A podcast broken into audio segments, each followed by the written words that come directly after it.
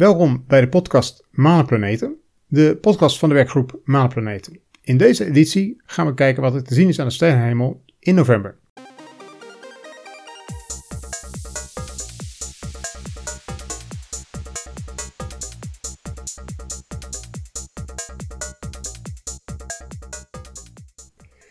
En daarvoor kijken we allereerst naar de planeten. Nou, Saturnus is nog wel te zien in de avondhemel, maar gaat steeds vroeger onder. Jupiter daarentegen is op 3 november in oppositie. Dat wil zeggen dat hij aan de tegenovergestelde richting staat van de zon en daardoor is hij de hele avond en de hele nacht te zien. Venus is heel helder in de ochtendhemel en Mercurius en Mars zijn niet waarneembaar. Uranus, voor degene met een verrekijker of een telescoop, die is op 13 november in oppositie. Maar je dus niet met het blote oog.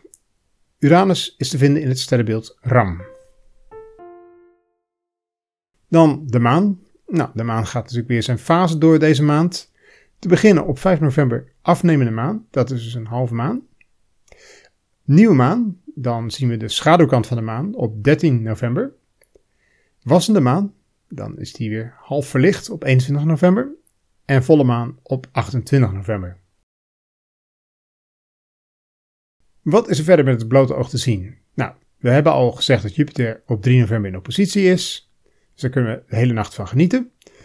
Op 6 en 7 november is de maan in de buurt van de ster Regulus van, uh, van het sterrenbeeld Leeuw, de heldere ster van Leeuw.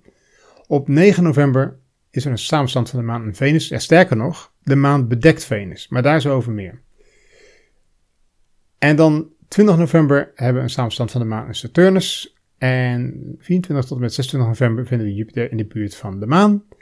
En 26 en 27 november vinden we de maan in de buurt van de Pleiade. Dat is een cluster van sterren. De maan is wel vol, dus die zal behoorlijk veel zijn en overschijnen. Dan de, wat er is te zien met de verrekijker en telescoop. Ja, dus op 9 november bedekt de maan Venus. Maar de catch is, dat gebeurt overdag. Om 10 uur 47 begint het aan de verlichte kant, dus dat is wat lastiger te zien. En om 11 uur 56, dan is, komt Venus weer tevoorschijn achter de donkere kant van de maan. Maar ja, het is dus overdag, dus het is niet zo makkelijk met het blote oog te zien. Met een verrekijker of een, eigenlijk beter nog een telescoop heb je daar meer kans op. De maan bedekt ook nog een aantal andere sterren. Op 4 november bedekt het Omega Cancri. En op 21 november Psi Aquari. En bij de tijden van de bedekking van Venus moet ik nog vertellen dat dit zijn tijden voor Utrecht. En de tijden hangen heel erg af van waar je precies staat. En die kunnen ze een paar minuten eerder of later zijn, nagelang je waar je staat in Nederland of België. Dan de maan van Jupiter. Die kun je bekijken in een verrekijker of in een telescoop.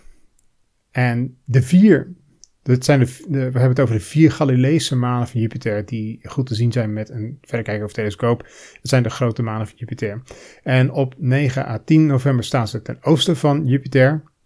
Op 19 eh, à 20 november staan ze ten westen van Jupiter. En op 23 en 24 november staan ze weer ten oosten van Jupiter. Waar ik zeg ten oosten, dat is dus links in de verrekijker en rechts in de telescoop. En ten westen uiteraard andersom.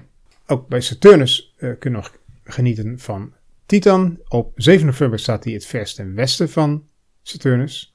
Op 14 en 15 november staat hij het verst ten oosten van Saturnus. En op 23 november staat hij weer het verst ten westen van Saturnus. En al deze informatie heb ik met dank aan het boek Sterren en Planeten van 2023 dat ik hiervoor mocht gebruiken. En nou ja, het eind van het jaar is steeds meer in zicht. Dus uh, Sterren en Planeten 2024 zal er wel spoedig aankomen. Uh, dus uh, als je kaartjes wil hebben van waar bijvoorbeeld Uranus te zien is, of waar de sterbedekkingen plaatsvinden, dan kun je dat daarin gaan vinden voor het komende jaar. En nou, bedankt voor het luisteren en tot de volgende keer. De volgende editie gaat weer over het laatste nieuws uit het zonnestelsel. Heb je vragen die je graag in deze podcast beantwoord zou willen horen? Mail dan naar PR-functionaris en wil je ons steunen, word dan lid voor 20 euro per jaar.